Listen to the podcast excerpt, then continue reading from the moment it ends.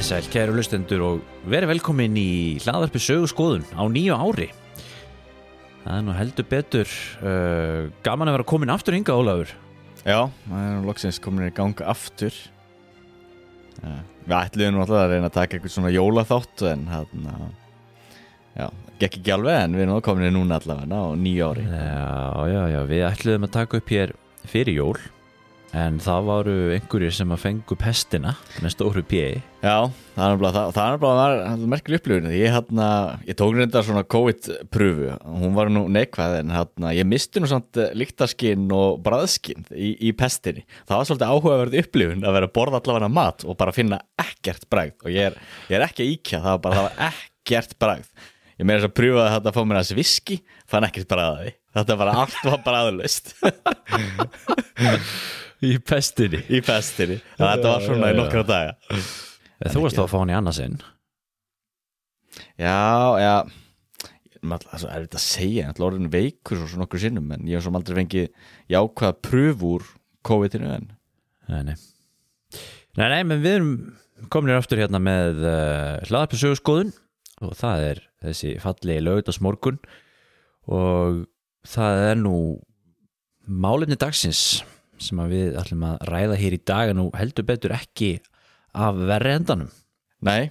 Og ég hef nú að segja það, ég er nú bara nokkuð spenntu fyrir, fyrir því því að sko við höfum nú verið að tala um ýmislegt hér í þessu hlaðarpi sögur og sagfræði tengt um, en sko það má segja vestrænar eða vestur og evróskra miðaldir það sé svona málinni sem fær mikla aðtikli í samfélaginu almennt en hefur kannski þurft smá ást frá hlaðvarpinu sögur sko. Já. Sem eiginlega er mjög fyndið. Ég er er miðaldasakfræðingur það er, það er mjög fyndið að skrifa já, jú, jú, er það með áslá og norrænar miðaldir en einhvað síður veist, það sem við erum að tala um núna er mjög nátengt því öllu þannig að það er svolítið fyndið. Já, en líka þetta sko að hérna mér finnst oft að svona sérstaklega í miðaldasögu að þá er, veist, þá er vestureuróska miðaldi svona, stundu finnst mann eins og það sé svona eitthvað svona mót sem allt er einhvern veginn stift í Já, og þegar maður segir vestureurósk sko, þá finnst mér eins og það sem rosa mikið bara svona England og Frakland, og, og stundu bara Frakland og þú veist þess að þetta segja bara skilur þú tekur bara franska mótelið og svo einhvern veginn bara laðaru allar aðra þjóðir að og hvernig það er hvernig þú berð aðra þjóðir sama við Frakland og svo framvegis. En Já. það er kannski þetta kannski gerir maður það alltaf hvort sem er meðvitað og meðvitað að maður, að maður miðar einhvern veginn allar þjóðir við skilur það land sem stendur kannski fremst menningarlega og já. Nei, það er samt náttúrulega þetta þegar maður reyna að berjast við það, reyna að gera eitthvað skiljanlegt og það er náttúrulega hjálpar það að vera með eitthvað dæmi. Og einmitt, þú veist, Frans Frakland einmitt á þessum tíma, kannski upp á þúsund til dæmis, það er svona alveg þetta klassíska uh, klassísku miðaldir, þú veist, með þessa vísi að þessari rittaramenningu og Já, þú veist, með og þessa kastala- kastalamenningu og þú veist, með hennan hérna þetta lénsskipulag sem náttúrulega er mjög umdelt, maður getur nú gert það sem bara heilt heil, heila þarna þáttaröð bara um það hvað þetta lénskerfi mögulega var eða ekki var. Já, já, algjörlega. Algjörlega. Síðan hafa menn líka bent á þetta er svolítið eins og með okkar ástkjara barn í hlaðarpunu Austrómarska ríki eða Bísansríki já, að þetta Bísans hugtak náttúrulega er eitthvað setið tíma fyrirbriði og þetta lénskerfis orð eða fjúdalisum að ennsku það er vist líka setning tíma fyrirbriði það, það kemur ekki fyrst fram sem hugtak fyrir bara um held ég 1400 og 1500 jáfnvel einmitt. Og ekki almennilega byrja að tala um það sem þá þetta uh, sem þetta hérna, já svona skipulaði kerfið svo kannski með kóngin og toppnum og svo ortum með sko stærstu aðalsmennina þar undir og þeir eru með sína aðalsmenn og svona, svona stjættaskipt kerfi eða svona lagskipt kerfi Jú, og þetta ekki fann að tala um það að miklu leiti að meðar sagfræðinga fyrir bara sko, svo steint sem sko átjáundur og eitthvað. Þannig að þetta er það, það er rísa umræðefni sem menn eru mjög ósamlum sem mér persónulega þó ég sé með alltaf sagfræðingur er alltaf fundist einstaklega óáhugavert. Þannig að ég svo sem ekki tuksa mér að eða miklu púður er kannski eftirlega í það en, en það eru þetta skiptir samt auðvitað máli náttúrulega upp á það auðvitað ákveðin skilning á umræðefninu að, og það er náttúrulega átt að sjá því hvernig samfélaginu var stýrt.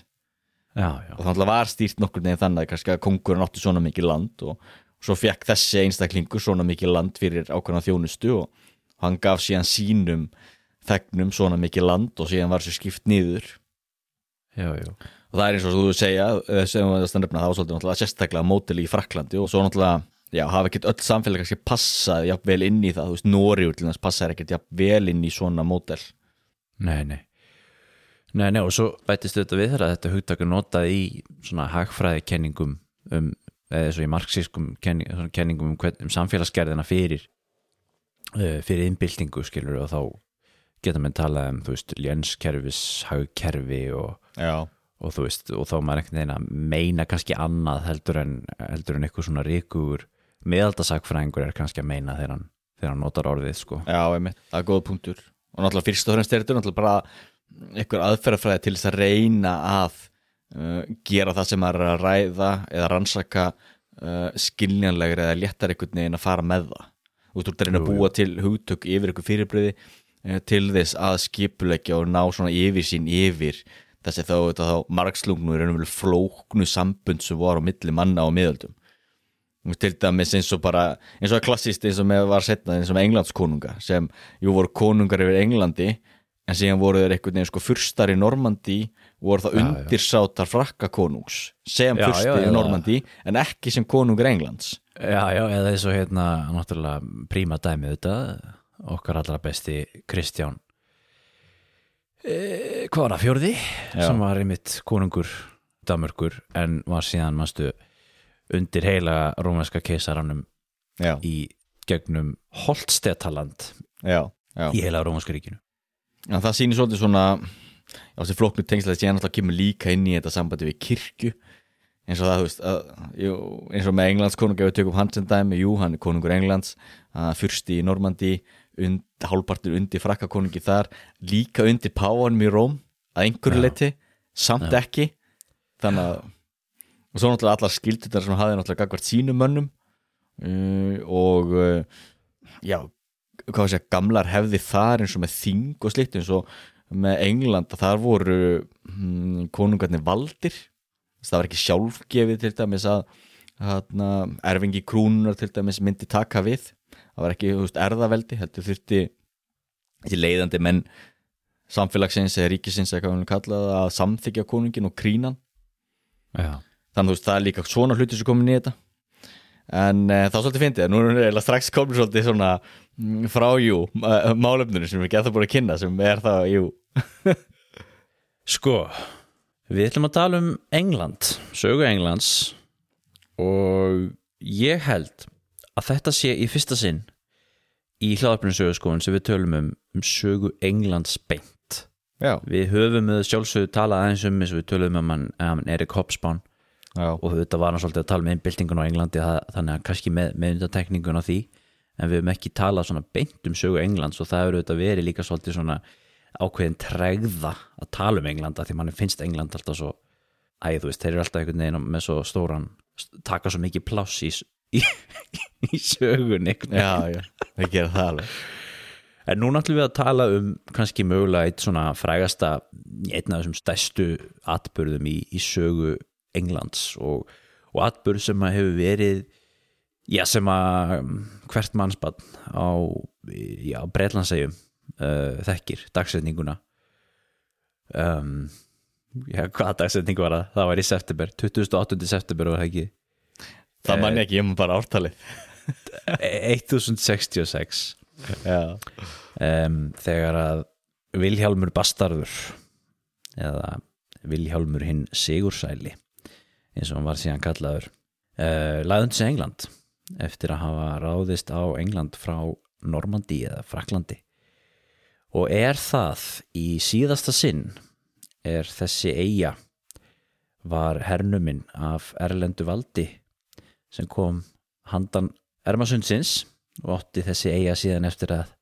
leggja undir sig margar aðrar eigar og lönd og heimsálfur handan þessa hafs og það eru þúsund ár síðan og það er svolítið merkilegt. Já, það er stórmerkilegt. Að því pældi í því líka hugmyndin um sko Englandi líka og, og, og sko, þessi atbyrður náttúrulega, eh, við gnum rætta það náttúrulega eftir. En sko hann, hann hefur náttúrulega fengið svo mikið svona já, svo stóran sess í sögunni af því að hann hafði svo mikil áhrif og allt það. En það er líka bara þessi symbolík að hugmyndin að að sko meginlandsveldi eða þú veist, her frá meginlandinu hernemur England. Mm. Svo hugmynd er eitthvað sem að breytar hafa alltaf auðvitað haft svolítið svona eitthvað uh, með að gera að sjálfsögðu Mm. og, og við þek þekkjum þetta auðvitað, þema auðvitað síðast úr til dæmis setni heimistyrildinni þegar þú veist hættan á því að þjóðveri myndu gera innrás í Bretland og síðan það hvernig Bretland slapp við blitzkrík innrás vegna þess að þeir voru eiga og allt þetta sko, þannig að þetta er svona þema skilur í breskri sögu. Og síðan náttúrulega með Napoleon sem að einhvern veginn hafði áhuga á því að gera innrás á Bretlandsegjar en var ekki í kábónu því klæðin út af, út af þessu ermasundi Mm.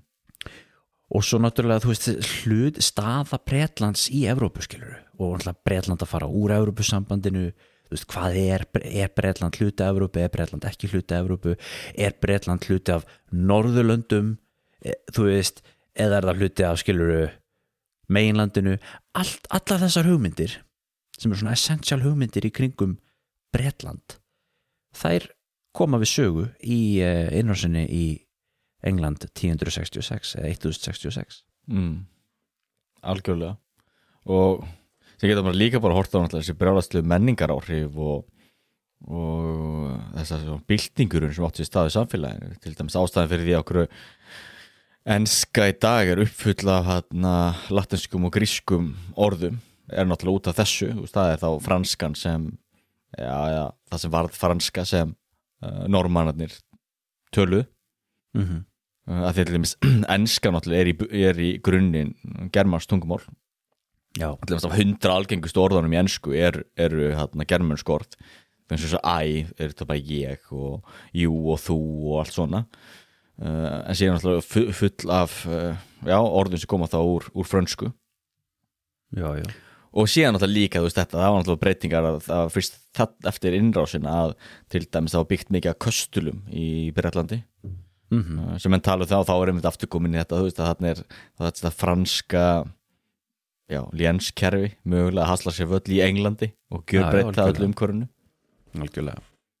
En síðan er samt líka það sem ég eru fundist kannski sérstaklega áhugavert við þetta líka uh, það er það að það er bara svo hættuöld að ég veikjum það þegar ég verið að lesa, lesa þessa, þessa miðaldasögu að þá er maður alltaf litaður af samtímanum og, og svona eigin fordómum, ekki fordómum í neikværi merkingu, heldur bara dóm, þetta er dómar sem maður hefur áður en maður byrjar að lesa eitthvað Já, og maður er auðvitað því til dæmis þegar maður byrjar að tala um England eða Frakland eða Normandía þá er maður auðvitað með þessu þá er maður raun og verið að hugsa náttúrulega um hvað þessi hugtök þýða í dag.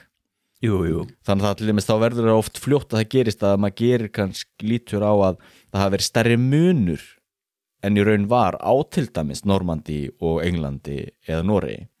Til dæmis það er mjög áhugavert að þessi fornenskan hún virðist hafi verið skiljanleg á milli manna. að norrænir menn og, eh, og þessu tölu þá fornensku þeir gott skil hvort annan. Og þetta fólk var allt voðalega skilt og í tengslum við hvort annað. Ertu þá ekki að tala um englendingar og, eða engilsaksar og svo skandinavar þá? Já, og Já, já, uh, normannarnir ákveðnu leiti líka þeir náttúrulega áttu uh, sína rætur þarna, þannig að aðallin var mikið í, í tengslum og, og, og svona í venslum við hvern annan þannig að það er svolítið svona maður verður að líta svolítið á þetta sem sameiginlegt menningarsvæða ímsu leiti Já, já. Sko ég held að við þetta aðeins að fara yfir sögursviðið hérna. Hvað erum við að tala um? Við erum að tala um England sem er á Bretlands eigum uh, undir lok uh, ármiðalda. Það sem að gerist árið þúsund er að þar setjum við skilin á milli hámiðalda og ármiðalda og það verða mikla breytingar í Evrópu eh, um árið þúsund. Og þessi, þessar breytingar sem að innrás normanna og, og bara svo, svo, svo það sé sagt normanna, ekki norðmanna. Já, já. að því að norðmenn eru í Noregi og meðan normannar eru í Normandi og Normandi er, er nýrst á, á Fraklandi og innrás normanna uh, er hluti af því að, að, uh, að þeim breytingum sem að sem að við tengjum við að fara frá ármiðöldum yfir í hámiðaldir í Evrópu. Og það tengið kemur inn í þetta allt, allt þetta með, með, hérna, með kirkjuna og, og lénskerfi og allt þetta sem varst að nefna. En það sem við tengjum rosalega mikið við ármiðaldir og það sem að hættir þarna, um þúsund það er tímbil þjóðflutninga og árása um, þjóða sem eru á farandsfæti og uh, við erum auðvitað með mjög mörg dæmi um þjóðflutninga sem að, sem að við þekkjum frá, frá síð fornöld og, og ármiðöldum það er að segja þú veist þrjú, fjögur, fimm, sex hundruð skilur það eru germönsku þjóðflutningar inn í Ró Rómaveldi og allt þetta. Og hluti af þessu er þegar að engilsaksar eh, færast búferlum frá meginlandinu og yfir til Englands. Og þetta er náttúrulega germanska þjóðir sem tala germansk tungumál eins og þú varst að koma inn á áðan sko. og svo þegar líður á þetta tímbil þá sjáum við fleiri þjóðir vera færast og flytjast. Við erum með Araba auðvitað í suðrinu við erum með Ungverja eða Magyara. Og svo erum við náttúrulega með Vikinga okkar menn sko. Og þeir náttúrulega fara þá út um alla Norður-Európu og út um allt og meðal annars eru vikingar mikið á að herja á Englandi. Og þetta tímabil hættir þarna um þúsund. Öld vikinga endar með þessum atbyrðum vikingar eru náttúrulega eða norrænir menn eru rosalega áhrifamiklir á Englandi á árunum eða sérst á nýjundu öld og tíundu öld og, og fram til svona, já, fram að þessum atbyrðum þannig að við erum að sjá alveg stór skil þarna. Já, þegar það ángir náttúrulega líka saman þetta um þúsundu þetta þetta er þá að megnunni til þess búið að kristna þá Norðurlöndin. Þannig að, þannig að þá streyma mikið meira inn þessi megin ströymar í, í Evrópu. Og, unnið að því að vera að fríða meira þessar þjóðir. Uh, og það sé maður líka í austriljumins ungverjarnir þeir eru með líka kristnast það er kringu þúsund.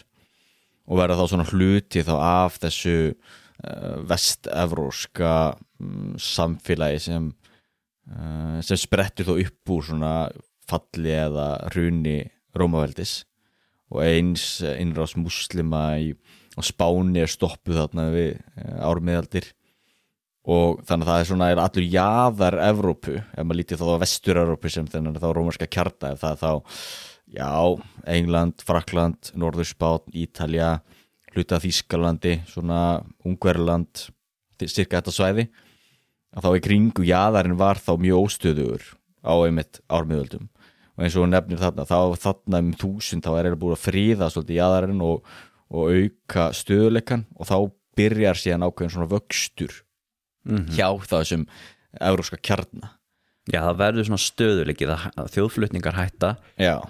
þjóðir fara að setjast að eins og til mis þess að ungverjar skilur þeir hætta að vera á reyfing og þeir setjast að og verða bara að ungverjum skilur Já, og taka og, upp og, og einmitt norræni menn þeir hætta að vera í, í viking og setjast bara að á Íslandi og, og þú veist Grænlandi og allstaðar skilur Já, og Normandi og Já, já, og Normandi og einmitt. Já, í kænugarði og eitthvað svona. Einmitt, einmitt, einmitt. Þannig og svo er náttúrulega fólksfjölgun gríðarleg og, og borgarvæðing og, og, og kirkjana eflast. En það er kannski annað en aftur á Englandi að því vorum að, mér langaði að setja sögusviða því að við töluðum um það já ég sagði það, ég nefndi það að þú veist, engilsaksar koma þarna og þeir rekja í burtu því að þetta tengist aftur þessari hugmynd með hérna, innrásina sko, frá meginlandinu skilur að, að þarna 1066 það er síðasta skiptið sem að 1000, hva, sko, hvaðan kemur þetta Ólafur? Akkur hefur maður tendast að segja 1066 Er ekki að þetta 1066 er svo óþjált en það er kannski Ég bara því maður er vanrið að segja 1066 Vist, ég veit það það, er ekki alltaf bara vittlust, þú myndir aldrei segja sko 2023 Nei, það er þetta rétt já.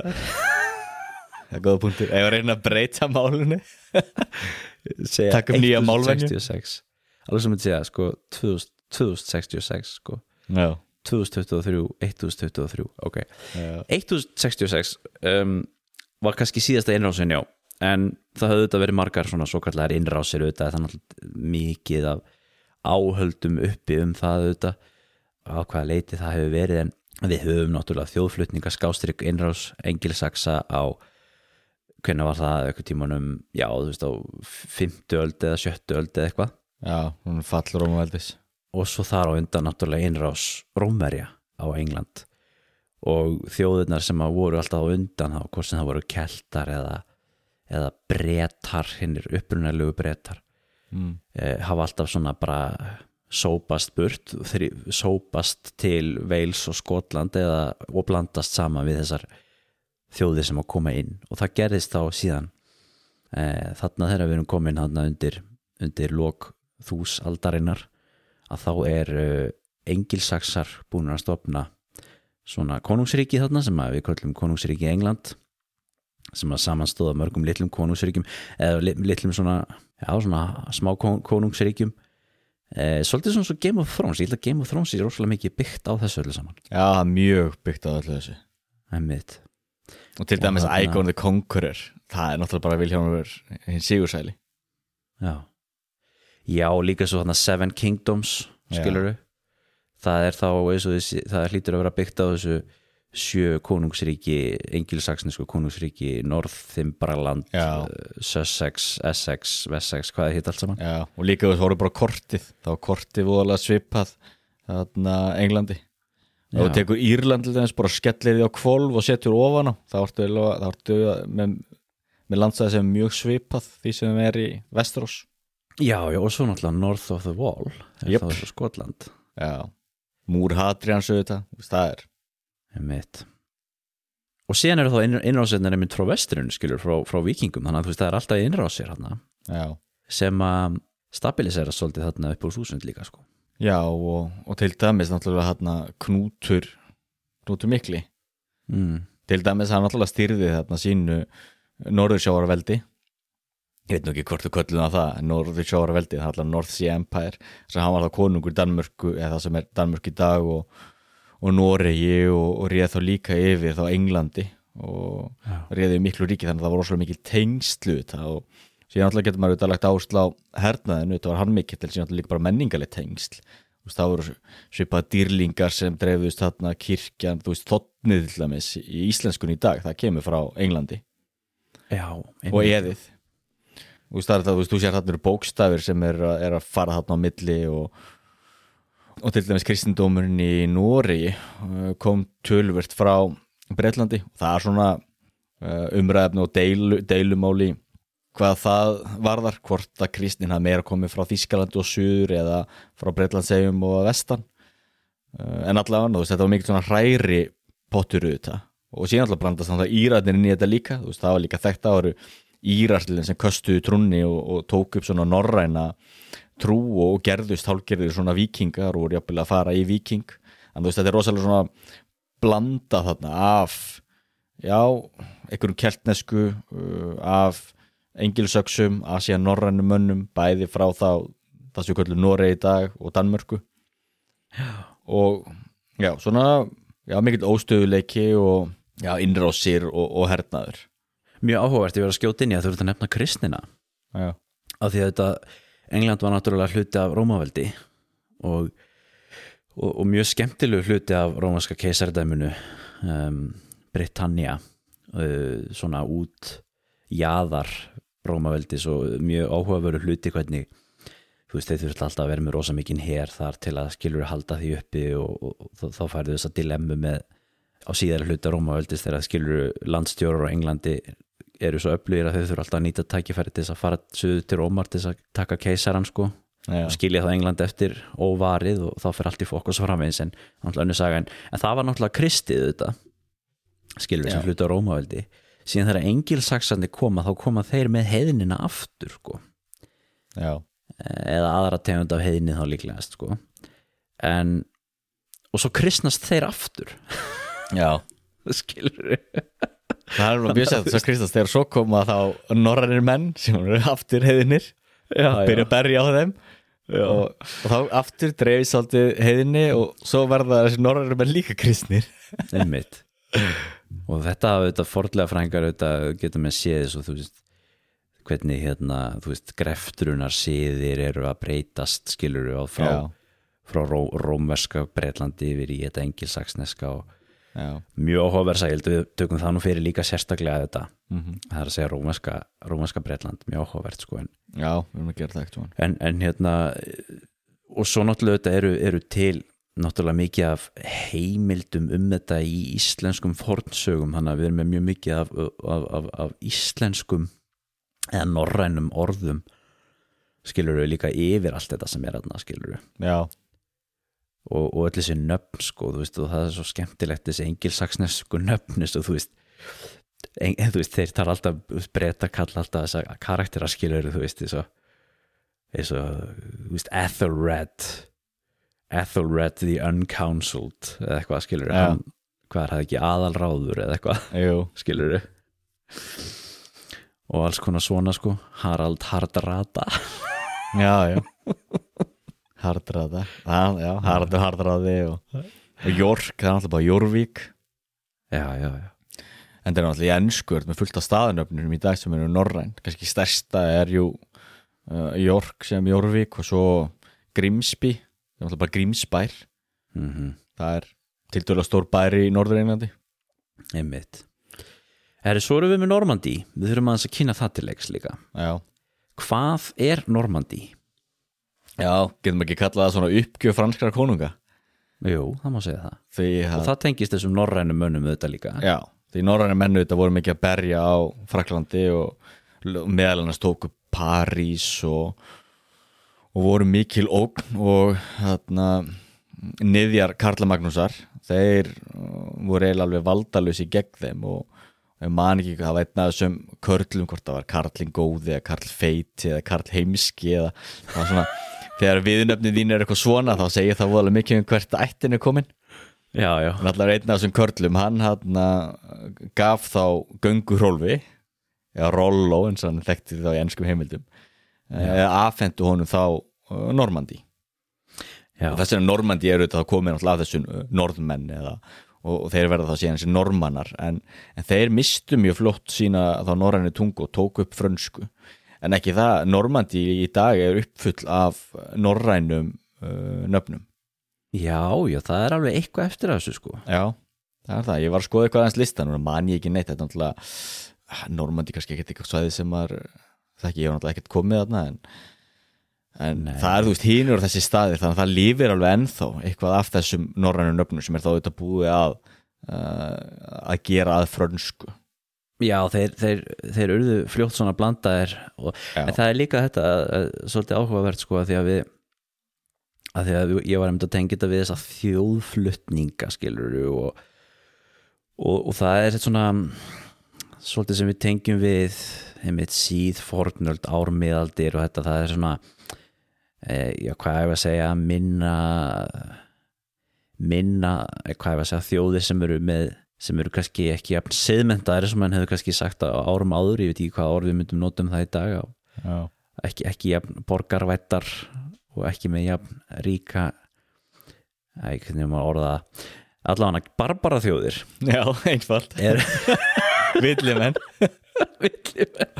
Veit, eru að sækja frá sko jæðrinum og inn í miðjuna.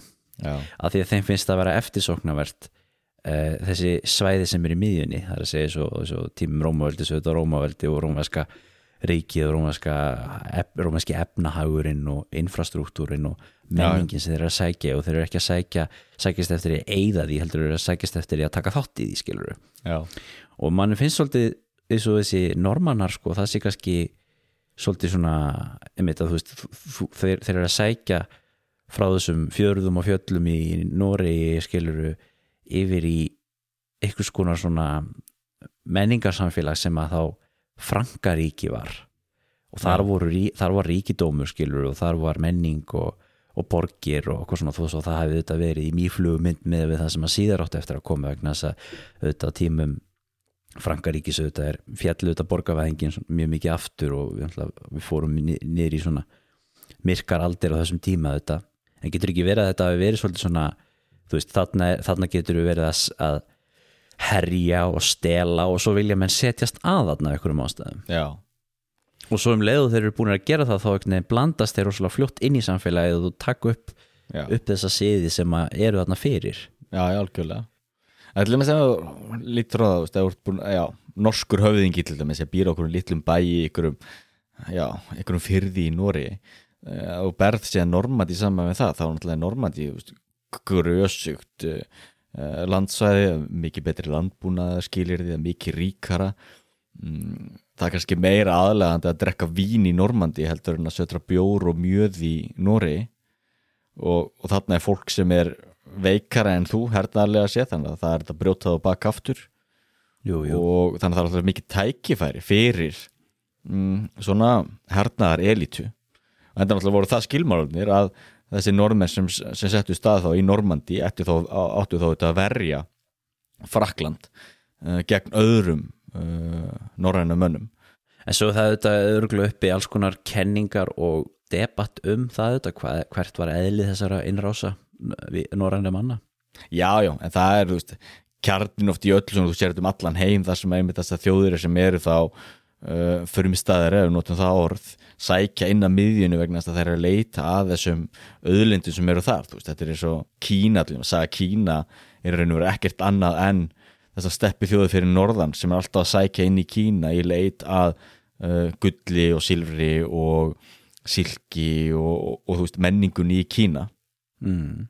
en er þetta ekki svolítið þannig að sko, þú veist eins og þú ert með vestunóska ríkið rétt á hann þar hreinu, skilur Já, að þá ertu með svona módel skilur það sem að germsku þjóðarnir vilja koma inn já, og, og, og rómísku keisararnir eru máttlusir gagvart í að því Já. að þú veist rómíska ríkið er byrjað að brotna niður þannig að þeir fara að segja sko hérna, ok, borgum þeim fyrir að, þú veist, halda sér á mottunni og svo virka það ekki og það segir, herðu, ok, þið megi vera hérna með hegar og eitthvað, eða þá, já, þið megi koma og setjast að hérna til þess að verjast gegn, til þess að vera buffer gegn öðrum germunum. Já, já, síðan sjáum við þegar þessir sömu germanir við getum kallað á Franka eru búin að stopna sitt ríki í Fraklandi eða Frankaríki sko þá, þá er sagan kannski svolítið að endurtaka sig að þá eru þeir orðnir þetta, þessi miðja já, já. og síðan koma þá vikingar eða norrænir menn sem eru árin eins og þessi á höttunum eftir í sama Já. og frankakonungarnir bregðast þá við á sama hátt og segja sko ok, hérna, þið megið fá hérna þessa landspildu í Normandi til þess að vera buffer gegn öðrum vikingum, já, já. svolítið aðteklivert Það er mjög aðtegluvert En þá sér maður einmitt og jú, að, jú, fólk er að sækst eftir því sama og, og, og eins og ef við tökum bara stuttið sem er Rómaveldi það er svolítið breytt sögu sko hvað, hvað, hvað við kemur þarna, það sem við köllum þá fall Rómaveldi tölverta sagfræðingur sér til dæmis leggja frekar ást á það að þessar germansku þjóðir sem voru ráðast inn í Vestarómarska ríkið og vildu setja stað voru ekki að vinna að því brjóta niður ríkið, heldur vildu þeir verða hluti af því og fá bara hlutdeild í örygginu, ekki velsældinu og allt þetta. ný kenning heldur sko. Nei, það er engin, ekkert ný kenning en það hefur bara verið svona að því það sem alltaf í sagfræðin að maður getur svolítið valið náttúrulega hvernig maður ákveður að setja hlutina fram Jú, jú, að því þú getur þetta líka fært rauk fyrir að þeir voru bara brjótanir í Vesturumarska ríkið eða eins og já uh, normannir voru bara brjótanir í Frankaríki. En þú getur þetta líka þú kýst uh, að balansera meira með því að horfa á það að normannir tóku sér upp franska menningu og, og hurði jafnvel kannski franskari en margir frakkar eða frankar. Já, já, sem er líka áhugavert fyrirbriði og, og, og hvernig maður sé þá síðan að þeir eru þetta eh, eftir innrásina inn í England voru þetta síðan bara uh, hvað maður gera, hvað maður kalla jú, bóðbera nýra tíma þess að þeir þá bara já. fluttu inn auðvitað þá franska menningu eða Algjörlega. inn í England og gjör breytt þá því samfélagi.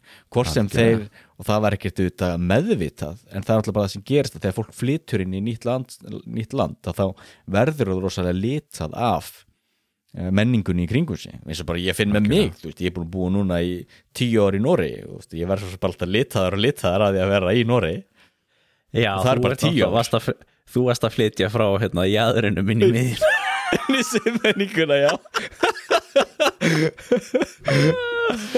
Það fyrir því hvernig maður lítur að það.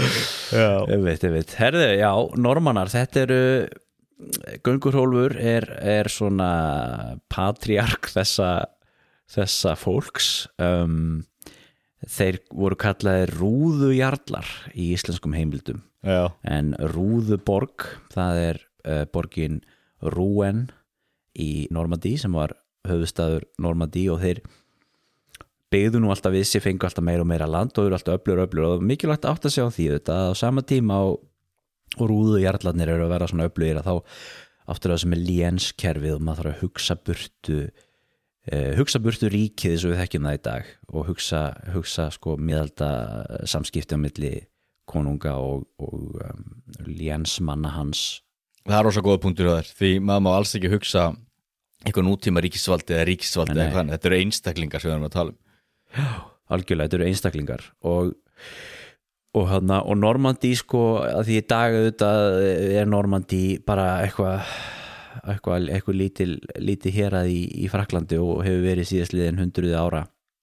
En á þessum tíma var Normandí hertogadæmi sem að var á pari bara við konungsríkið Frakland eh, konungsríkið, það er ekki rétt hvað maður á að kalla það, franska ko- ko- konungsdómin Já, það kongsdómin Já, og, og voru líka mjög framalega þegar hvað við kemur sko, stjórnsýslu og, og rúðjarlaldi höfðu líka mjög góða stjórn í, á, sínum undirsátum þannig að til dæmis um, á, í stórluta Fraklands á þessum tíma þá í, kringu þúsund þá var eh, bara stjórnleysi.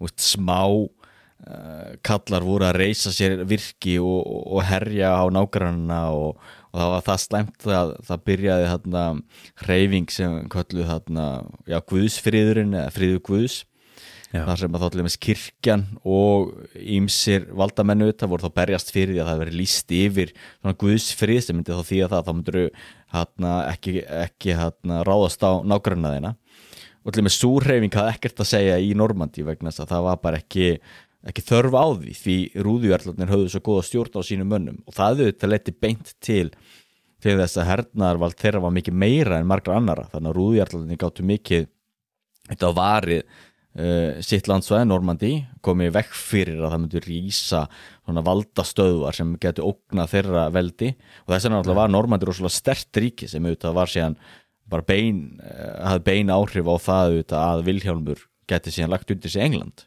Einmitt. Sko, Frankaríki var líka alveg sérstaklega decentraliserað. Já, Það hafði saminast þarna undir Karla Magnúsi, hann var kryndur Rómar keisari í vestirinu árið 800 á jóladag? Og ekki rugla því sama við náttúrulega þið umverulega rómverska keisardæmi þetta, var náttúrulega, þetta var það sem síðan var þið heilaga rómverska ríki Já. sem var náttúrulega ekkert rómverst þannig séð. En Frankaríki var þá frekar upplugt skilur framana en síðan mi- minkaði þá vald þessara þessara karlunga og, og þessara, þessara konungsætta sem voru þarna.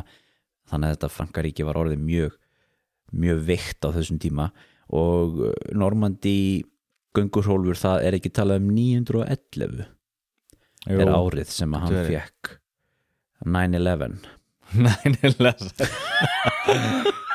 Það er ekki tenging til að það.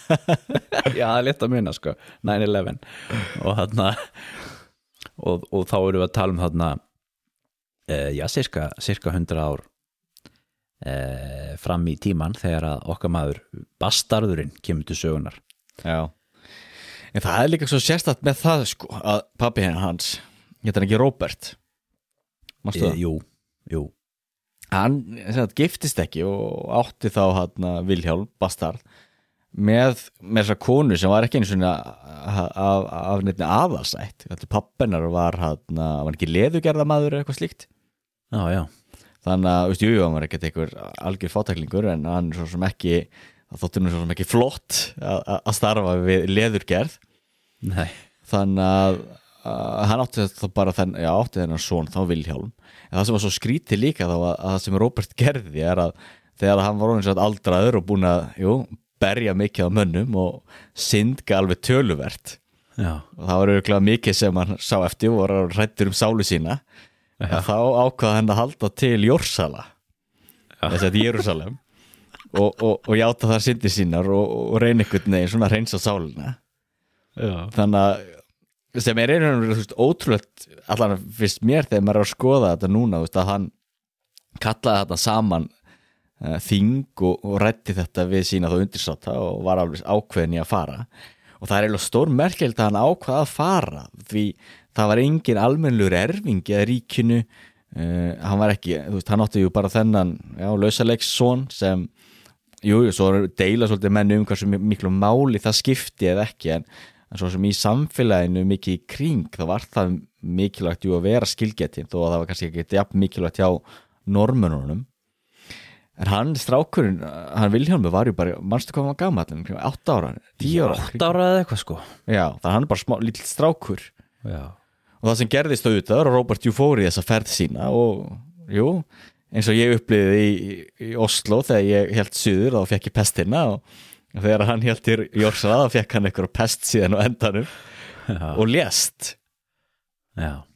þannig að þá auðvitað hófst mikið svona óstöðuleika tímabil í Normandi Emmitt Og En, en, en Viljálmur átti einhverja hálfbræður.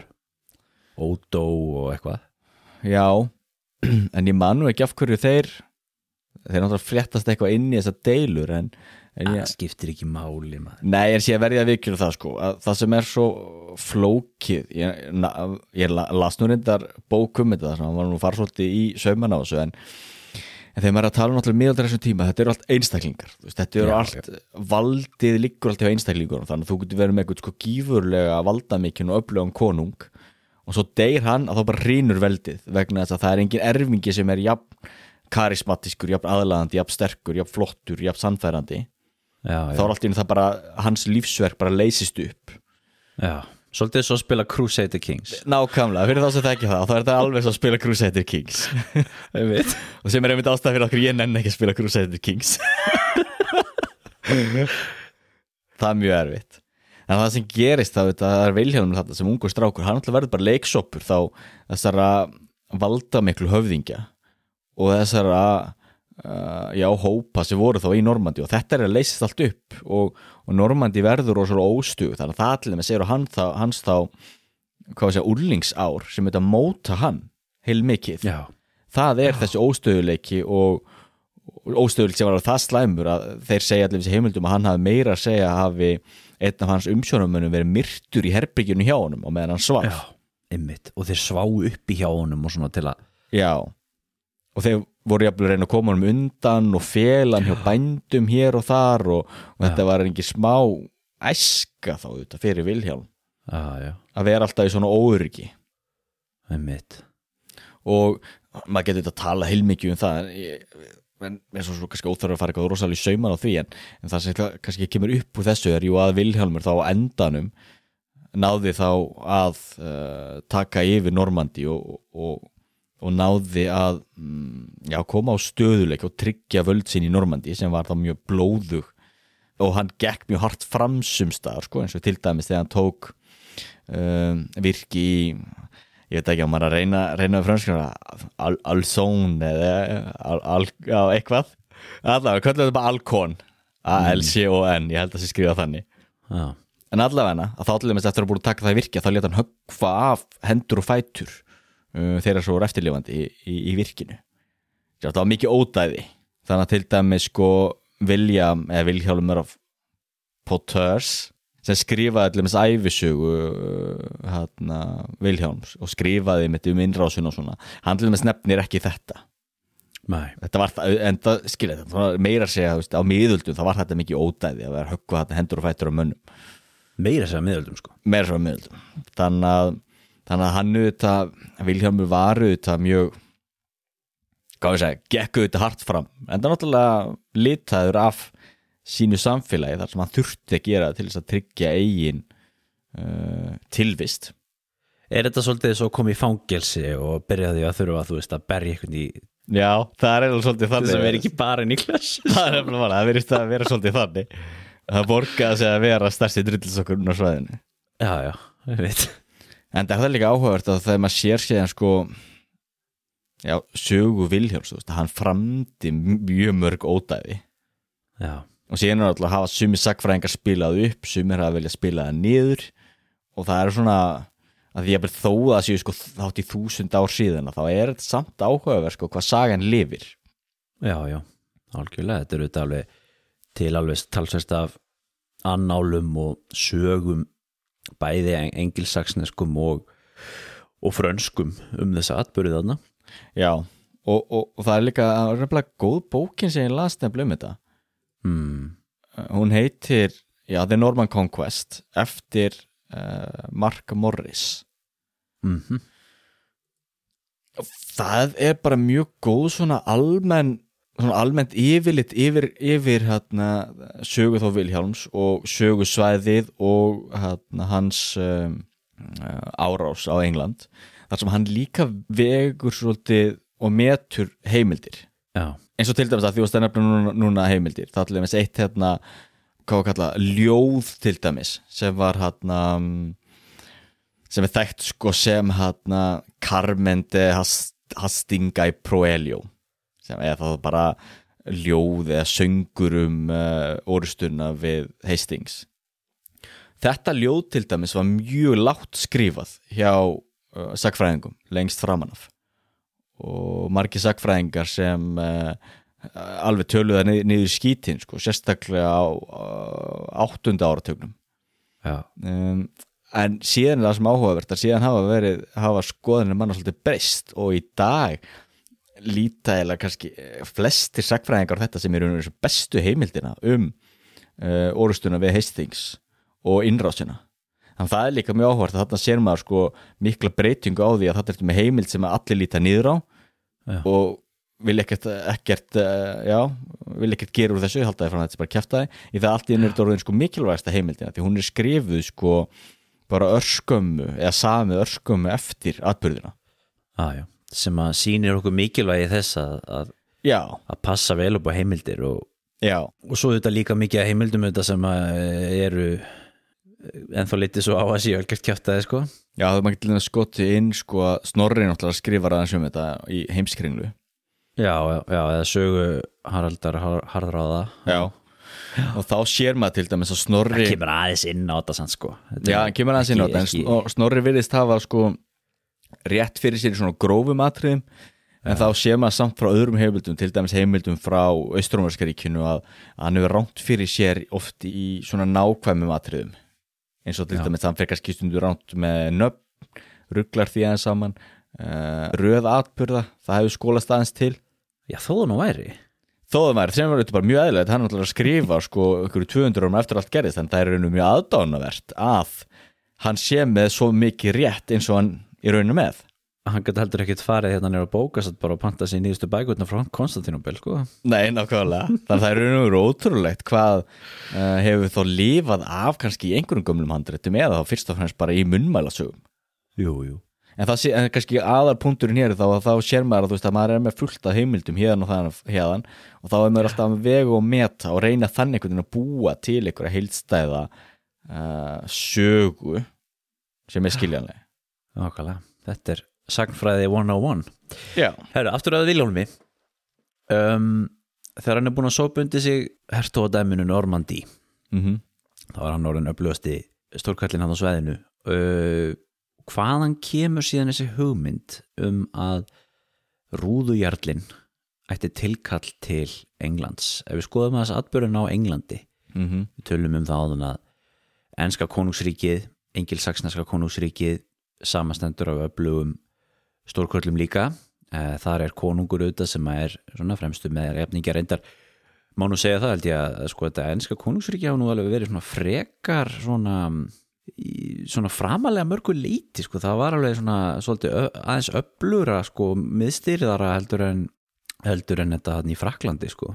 Já, það var það. Og til missis og þeir voru með sko stopnanir sem að eru alveg frá þessum tíma sem að hafa lifað af eins og, eins og þú veist fókitin, sheriff og, og, og, og svona þetta eru gamlar stopnanir sem áttu síðan auðvitað eftir að slípast og, og verða að, að, að þessu nútíma fyrirbriði sem það síðan varða á veist, síðar á hámiðöldum en, og líka dómskerfi sko, þetta sérstaka enska dómskerfi sko.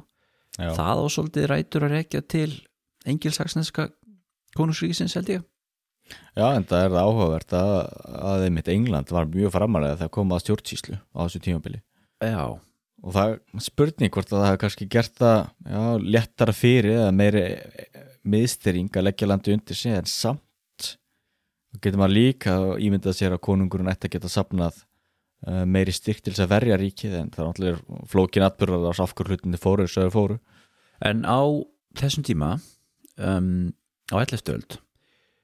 þá voru komið fram á síðasta, síðustu daga engilsaksnarska konungsríkisins mm og við erum að sjá svona, já bara við getum bara sagt bara Game of Thrones tegund af valdabröldi Já, hver á að erfa krúnuna, það er erfða stríð já, í gangi og Vilhjálmur hann er einn af þeim sem gera tilkall til ennsku krúnunar já.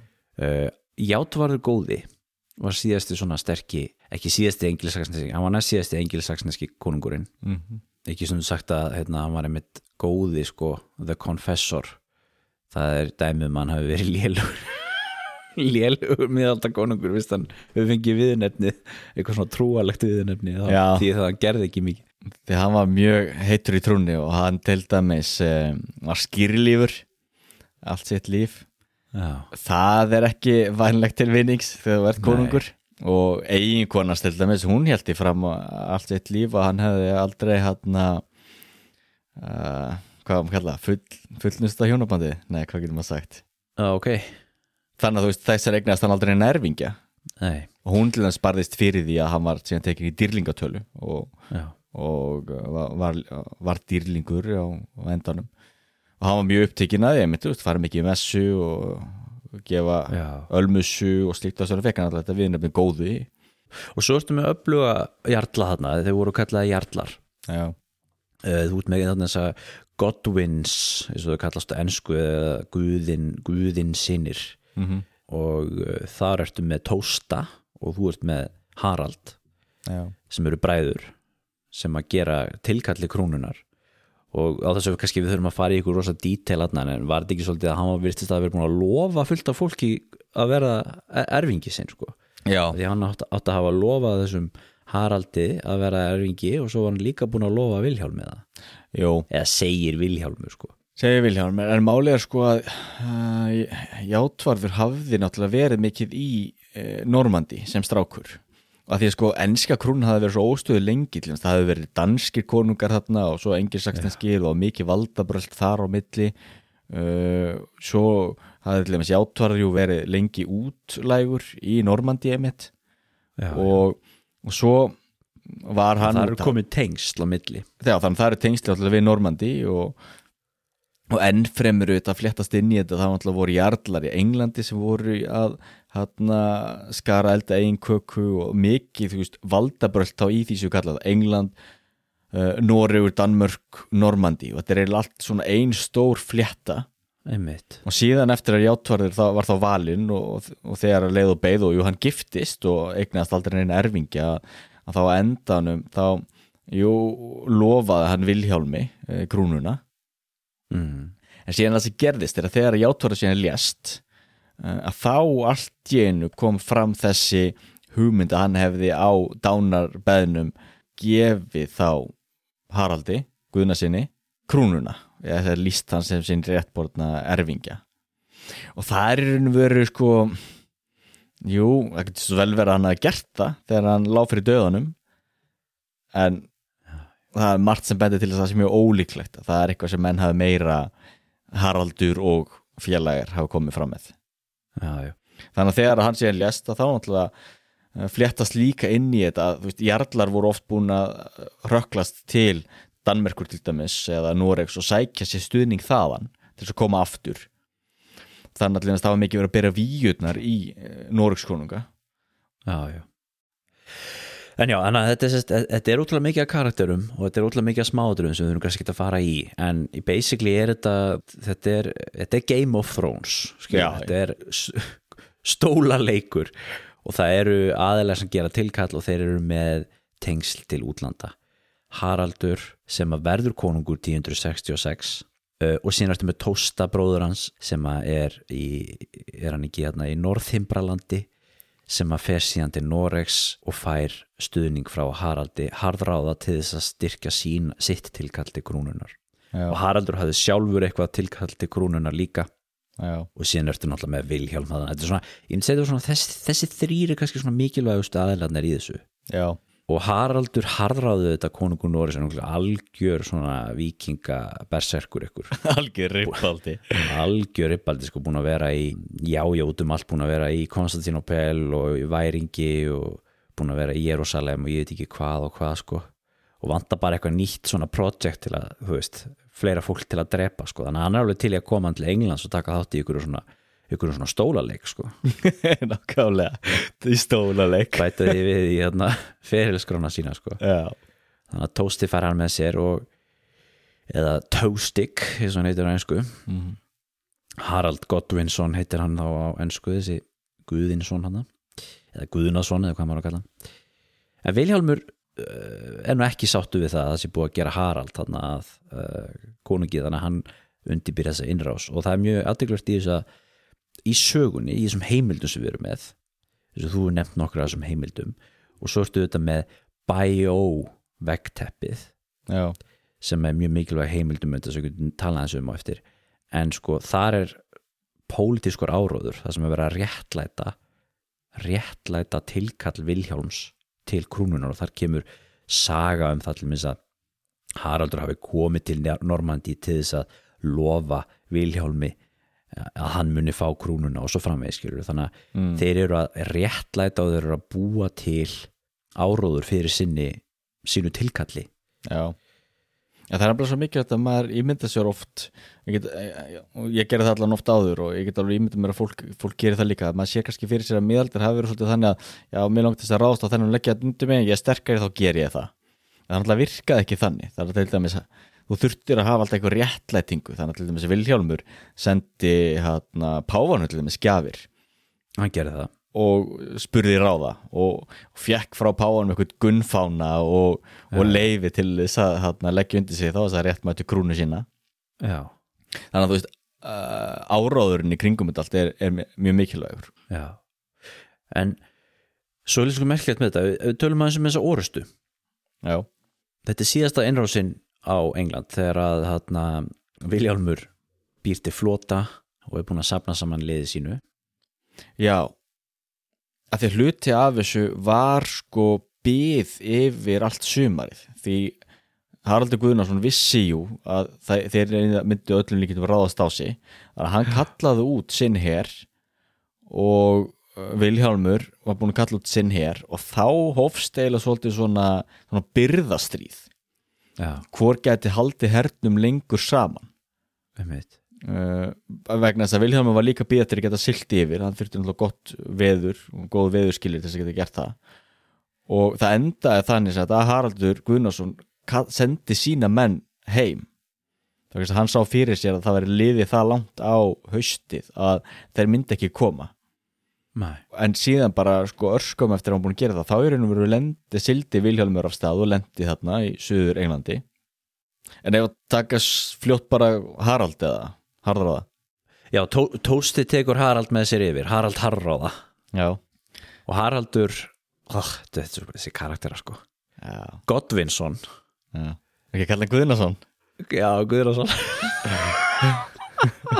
rýður í hasti já, norður til Jórvíkur og þar erum við með mikla orustu sem að heitir Battle of Stanford Bridge sem að í íslenskum heimildum er kölluð orustan við Stanfurðubryggju eða Stafnfurðubryggju. Já, og þetta er þessar veist, Hastings og Stanford Bridge og svona þetta er þessar stóru orustur sem að eru svo frægar sko. En Já. kannski líka svolítið anglocentrist sko. Ég veit ekki jú, svo, jú. Þetta hafa allir heyrt um Stanford Bridge skilur er- hversu margir hafa heyrt um Mansikert til dæmis já, skilur algjörlega. Hvort það mikilvægra já, já. En allavega, það er virðist svolítið eins og hann hafi komið Haraldur Guðnason hafi komið Haraldur Harðráða í opna skjöldi því hann, hún tókst að, að fylgja liðið svo hratt og halda norður. Að þeir virðast hafa náð sko að uh, koma þeim óverum og ráðast á á þá og stráfella á þarna við þá uh, stamfurðu bryggju.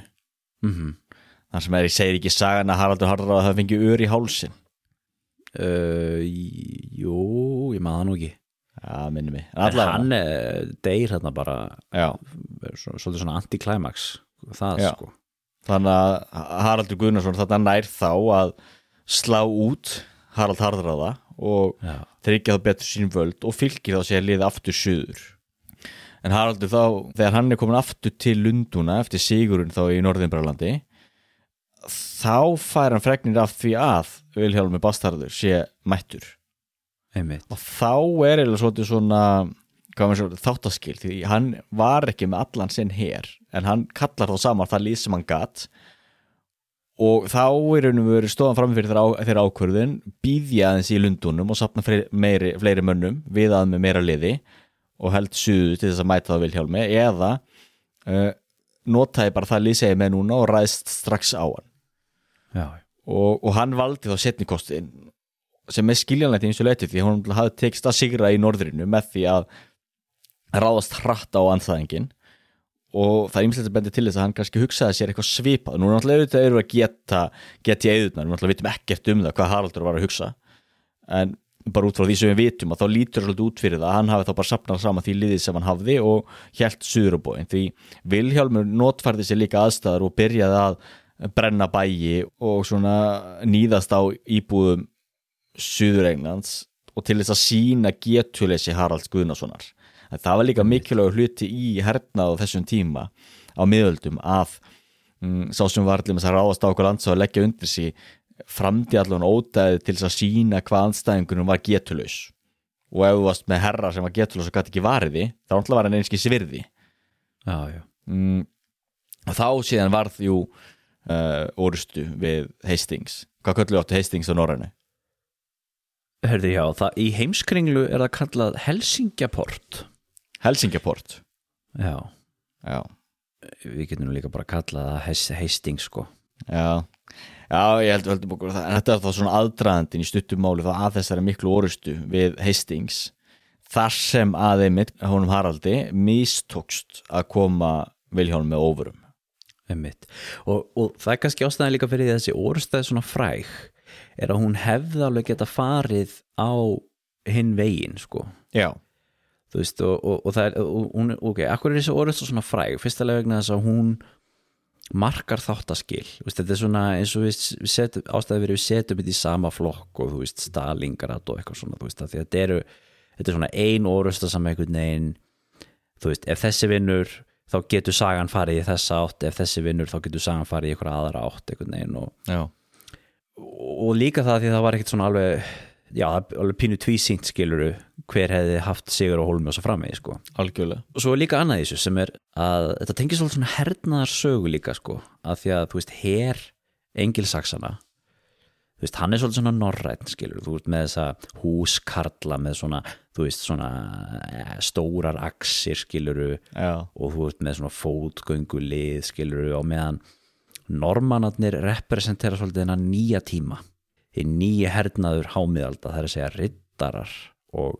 bógamenn skiluru já, þannig að, að vissuleiti er þetta svolítið svona já, uppgjör sko við gamla tíman algjörlega. og hennar norræna tíma Já. þessi norræna áhrif við þetta Það er það.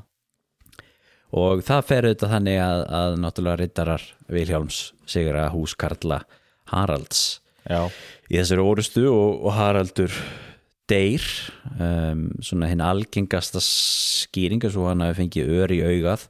Það er það sem að bæjó reyvillin segir okkur. Já. Um, En það er nefnilega svo áhugavert að það verðist vera áróður. Jú. Ja, sem, já, já. Eða þú veist, hann, til dæmis William af Poters, hann segir það. Mm, uh, hann náttúrulega er rosalega hallur undir Vilhjálm og, og reyna að mála hann náttúrulega í, í svona hinu besta ljósi á meðan að Carmenið til dæmis ja, Carmenið er hryllilegt að vera að fara eitthvað að sletta og svona en allavega þessi heimild sem menn telja í dag vera besta heimildina, heimildina hann, uh, svo heimild lýsir í þannig að uh, Vilhjálmur hafi verið næstu í búin að sigra orustuna og hafi séð uh, Harald Guðnason og hans menn vera berjast og að Vilhjálmur hafi þá kallað uh, menn til sín og ráðist að Haraldi og þeir hafi síðan drepið hann þarna í miðri orustunni og söngurinn lýsið því þar sem að hann þá Haraldur var þá uh, stungin og hól með lensu höfuð hoggið á honum uh, stungin í maga með spjóti þannig að yðurinn fjall út. Og síðan segir að lærið hafi verið skorið á honum og fari með það eitthvað lengra. Og sumir halda að lærið nú kannski eh, eigi við í raun og veru um já, þannig að það veri nýðst á líkinu já, já, já. og það eru sumir sagfræðingar sem hafa haldið í fram að ef þetta er rétt að Vilhjálmur Bastarður hafi drepið hann þetta sjálfur Mm. með öðrum að þá hefði það verið sko blásið út og, og sagt frá og sungið um allan alla Evrópu en uh, sagfræðingar sem segja að það sé ránt þeir benda á að þetta hafi verið breytti tímar þar sem það hefði ekki verið lengur viðeigandi að siðmentaði konungur ráðist að öðrum konungi og vegjan á þennan hátt. Það hefði þótt sko villimennska sem hefði verið viðeigandi til dæmis eh, hjá norrannum mönnum fyrir kristni en var ekki lengur við samþygt á þessum tíma. Og þess vegna hafi það verið, verið búin til þessi saga, það hafi bara verið einhver ör sem lendi í augun á honum og hann lést og það er þá að tólka það sem vilja Guðs. Jú, jú, en þetta finnst mér vera svona dæmi um svona smáatrið, sagfræðileg smáatrið sem að sko, sumi geta eitt sko heilum lífsaldri í að velta sér upp úr sko. Já, já, já, þetta er alveg auðvitað er það en, en þú sér samt sko, nákvæmlega hvort hann hafi verið hoggin eða fengið ör í sig eða, eða hvort hann bara datti einhvern læk og drukna eða skiptir ekki öllu máli ég, ég. skil það, en mér finnst áhugast fyrst og hennast upp á sko hugmyndasöguna. Mm, vegna þess að það sýnir, þú veist að því mér finnst í raunum velta hugmyndasaga áhugaverðar orðið heldur en uh, venjuleg saga, en það sýnir þú veist, það vart með aðra hugmynd þar sem að jú, er þetta þú veist Guð sem hann bara grípur inn í jú, ok, og þess vegna er það þá stuðningur við Vilhjálm, hann hafði átti rétt fyrir sér eða átti rétt á krúnni eða þetta, þú veist, jú, hann hjóa niður allt þannig að það er svo ljótt og við getum eða ekki sagt það þannig að þá búið til þess að já en ekki það, jú, þetta er þetta smáatri hvernig maðurinn dóið ekki. Já, já, en svo líka til sko sko, hann fekk konunans til þess að sko identifisera líkið að þeir var svo illa farið. Já. og síðan svo fór hann og let, og let grafa hann í Westminster Abbey, var það ekki mitt líka því að veist, þetta var enskur konungur sem var myrtur hér, skilur við. Hann fær Já. náttúrulega almennilega grefturinn og svona það er ekki líka til? Jú, það er náttúrulega hluti af þessu vegna að eftir að hann var búin að sigra Harald þá var ennþá tölvört af valdaklíkum og hópum í, í Englandi sem þurftu þetta friðþægi á einhvern hátt. Og þá getur maður litið á það að þú kannski réttir ákveðna sáttahönd fram að þau eru búin að jú að drepa uh, konungin að þú sýnir líkun ákveðna virðingu í staðin fyrir að mm, kasta þið bara fyrir hundana að þá getur það náttúrulega ekki meiri reyði hans fyrir um stuðningsmanna. Algjörlega, herður, nú er uh, Vilhjálmur orðin uh, konungur Hastings og verður á jóladag 1066 konungur Englands Já. greindur og þá tekur auðvitað við nýtt tímabil í sögu Englands og tímabil það sem hann þarf að berja niður uppreisnir og, og styrkja stöðu sína. En það er líka áhugavert við það að hann, það var, hann var sagt, svo mikill flýtir í þessu að krína hann á jóladag. Já, já, það var ekki lenskan í Englandi. Og þarna sýnir sér maður svona kannski hvað hans staða var veik heimsu leiti því kríningin sjálf var ekki það sem gerði að konungi í Englandi. Mm, heldur var það í raun og verið þingið þegar að leiðandi menn komu saman og mikilvægustu menn samfélagsins og viðurkendu konung. Mitt eins og til dæmis þegar Játvarður hann, Játvarður var konungur eitthvað um sumarið ég man ekki hvað árin er allan um sumar hann let ekki krína sig fyrir um páska. Þannig að það liðu allavega já, liðu þarna kannski, ég veit ekki, 8 mánuð, 10 mánuðir eða eitthvað, allavega langur tími frá því að hann var valin sem konungur þang til að hann var kríndur Já, já, þannig að englending eða engilsöksinu dótti þetta náttúrulega svolítið sérstakt.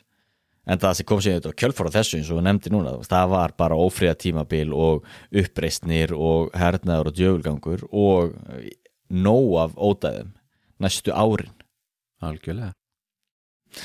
Maður hleyp, ekki fara svo bara hratt yfir það en, en til dæmis það sem er áhugast er jú að þrátt fyrir það að hann hafi unnið til dæmis þetta orðstunum við Hastings og verið krýndur og allt þarna þá hann tók bara við mikið óróa tímabil þar sem meðal annars eh, Norðinbaraland uh, gerði uppreist og þar til dæmis skekka það hart fram að hann, hann brendi niður stórun hluta landsins. Einmitt, og það talið að jafnvel að allt, upp- allt upp í 75% af íbúðunum hafi bara svolítið í hel eða hörfað eitthvað Harrying of the North það ekki? Já. og sem var já, hryllilt ódæði og meira sér á þessum mæli hvað það er sett miða við gildi miðalda þá þótti þetta mjög já, hart gengi fram. Já, einmitt. En við skulum tala eins um að hvaða leitið þetta margar þáttaskil. Af hverju er þetta svona mikilvægt? Af hverju þekkir hvert mannspann á Breitlandsegjum ártalið 1066 og náttúrulega Vilhjálmur Bastardur verður þarna. Vilhjálmur hinn Sigursæli eða William the Conqueror eins og hann er náttúrulega þekktur í Breitlandi Þetta náttúrulega breytir samfélaginu rosalega mikið og hefur mjög langvarandi áhrif. Já. Til dæmis sér maður það að enski aðallin engi slags enski aðallin var svo gott sem þurrkaður út og skipt út fyrir normannskan aðal. Já, og þeir skiptu landinu upp og þeir deilduðu niður og það kemur þetta lénskeri sem við tölum um hana, miklu sterkar inn heldur en áður. Um, Kastalar. Mm.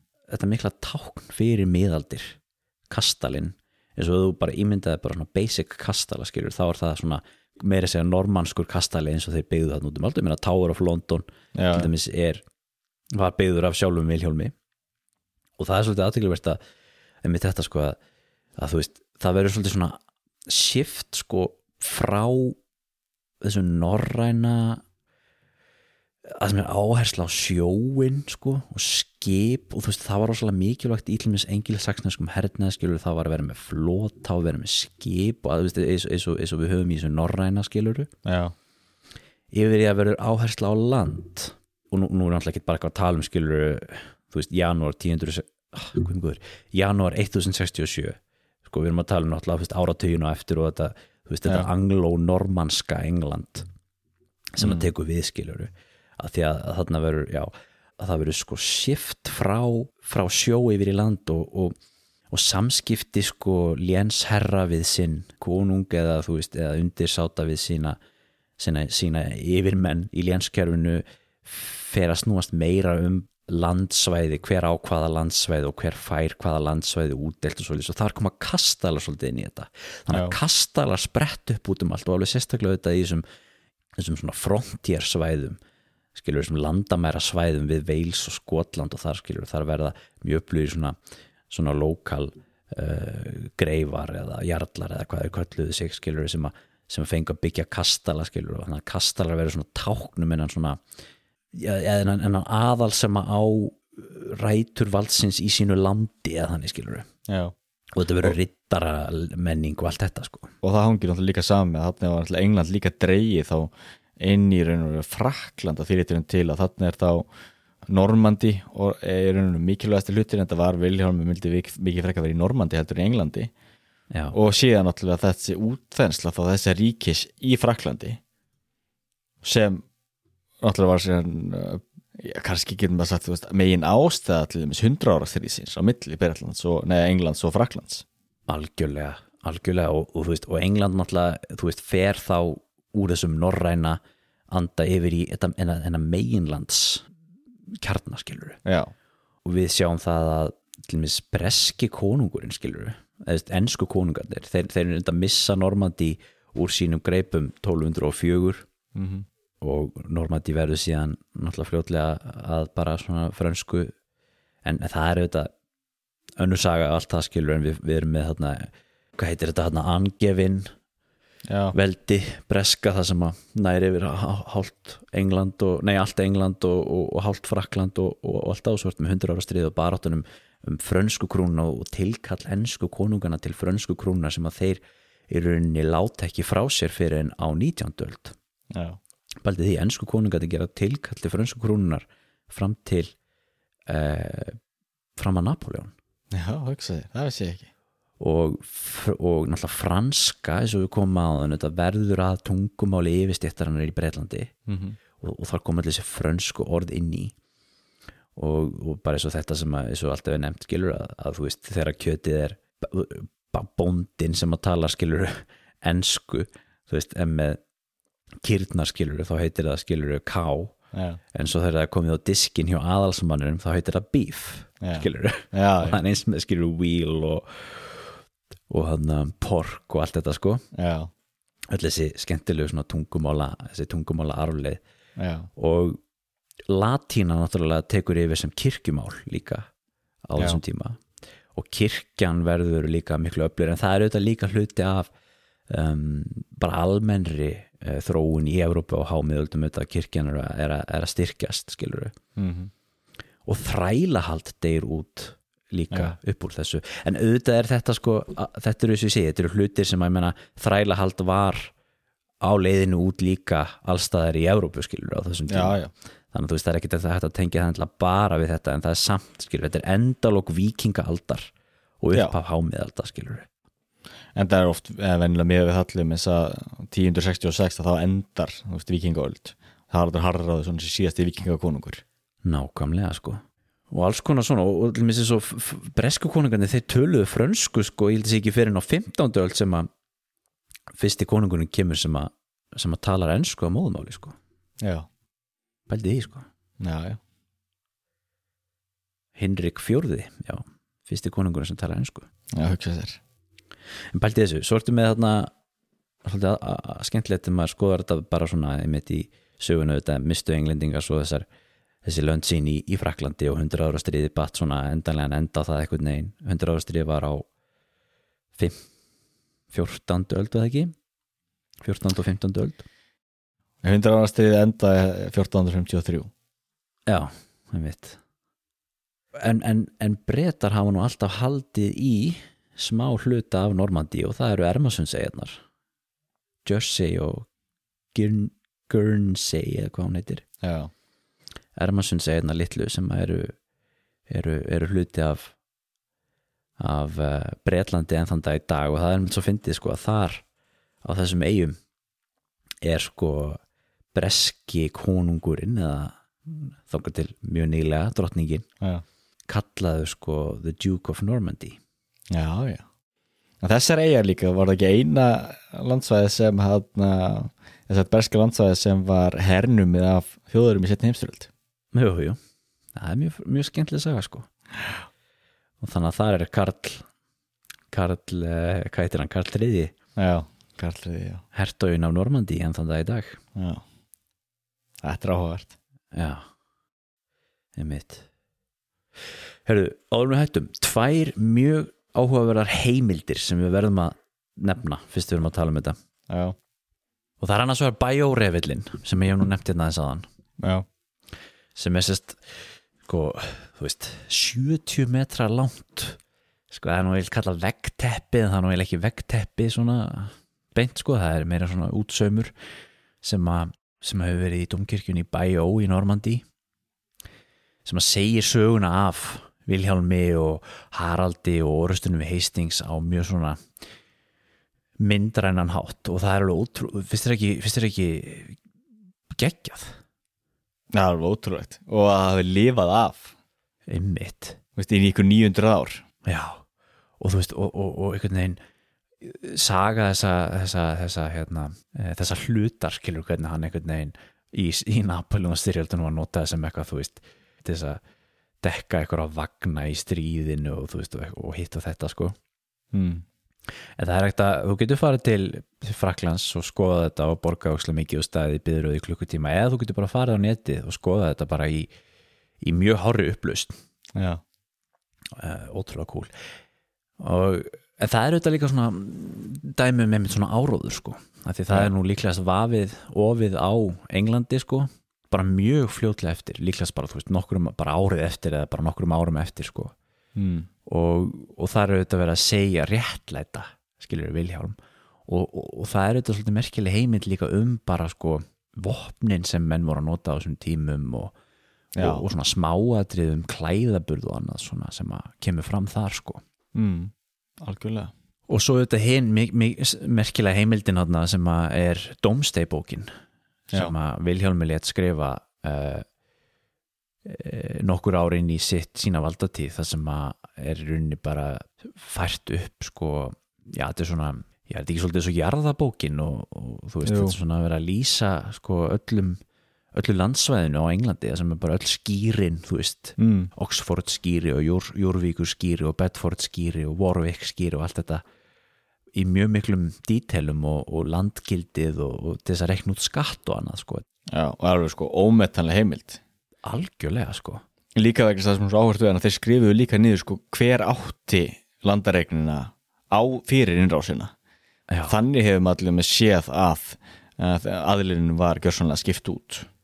Já algjörlega og, og, og, þeir líka, og þeir eru líka meta landið sko, hversu mikið veist, hlunindi og annað svona. Já, þannig að þú veist sko landgildi og þannig hafa menn geta séð sko þeir eru að skoða allir með þessi svæði það sem Hastings er. Þú veist þar hafa menn geta skoða veist nákvæmlega bara hvar orðstan var út af því að veist landið var þegar bókin er skrifuð þú veist þá var landið orðið svo er að gefa svo lítið af sér skilur að það var svo eðilagt eftir orðstan og, og þannig að menn geta þú veist pinnað út sko hvar hann lendi og allt þetta sko nákvæmlega út frá því líka sko. Já, já. Og þar hefum allir með séð hvað eðilegging í Norðinbralandi var gífuleg já, einmitt. Þetta er alveg, þetta er einstök heimild vegna þess að þú ert eiginlega, þú finnur eiginlega ekki svona heimildir eiginlega nei, nei, átt sé hund leiðilega lestingu þetta að, að fletta gegnum þetta að þá er þetta alveg ómetanleg bók. Algjörlega. Já. algjörlega.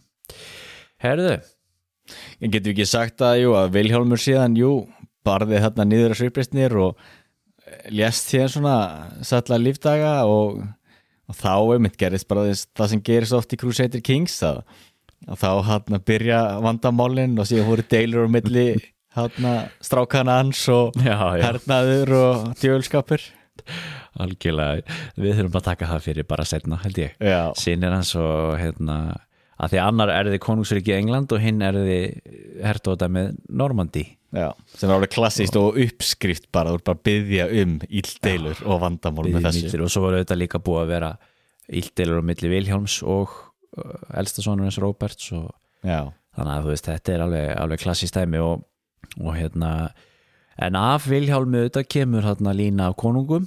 Það er hérna Hinrik Kvisti og Hinrik Annar og þetta eru þetta eru, þetta eru, er ekki þessi John líka og Stephen sem er einmitt þessi einu þessi, er, þessi, þessi konungar sem eru eru frægir auðvitað þegar þeir voru svo mikil ílmenni já, sem að engir aðri konungar hafa hittið eftir. Er ekki John, er það ekki einmitt þessi sem að var í Róa Hetti. Jú.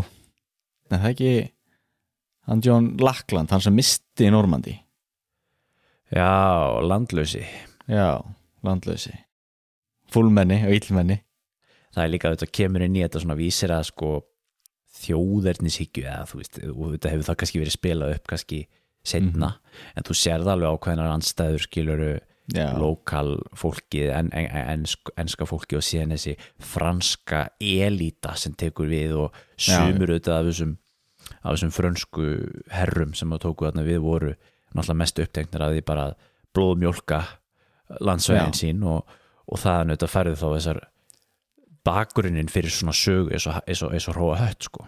Já, algjörlega. Og náttúrulega mikið auðæfum náttúrulega séu bara hreinsað upp úr Englandi og flutt til Normandi og það er allir áhuga að saga að margir sem höfðu með þá fram í ýmsta glæpi og höfðu marga blett á sálinni að þeir eru með síðan byggðu kirkjur eða gáfu hluta ránsfengnum til kirkna eða klaustra í Normandi til þess að þá að kaupa sér sála hjálp. Já. Nákvæmlega. Miðaldir, herðu ég held að við þurfum að fara að slá botnin í þáttin í dag nú erum við búin að tala lengi Jöp, við hefum nú getað að tala hér í allan dag örgulega um þetta en, já, við erum nú farið létt með það. En það er nú aldrei að vita nema við kannski höldum okkur eitthvað á þessum slóðum, ég er nú að segja það það er nú gaman að velta sér þessu upp úr vesturöfusku miðöldum til tilbreytingar. Algjörlega, og mér er líka fyrir svo áhugavert þeim líka þessi, svona, þessi keltneski jaðar sem er svo oft lítið talað um. Þetta er eins og Wales og Skotland og, og, og það, það var fallum það er náttúrulega fléttast líka í þetta Jú, jú, ég minna þessi normönsku kongar áttu náttúrulega eftir að brjóta undir sig eh, Skotland og Wales og, og Írlanda ekkur leiti og, og svo þessi síðari þessir angevinsku konungar og, og allt þetta sko. Mm Nákvæmlega.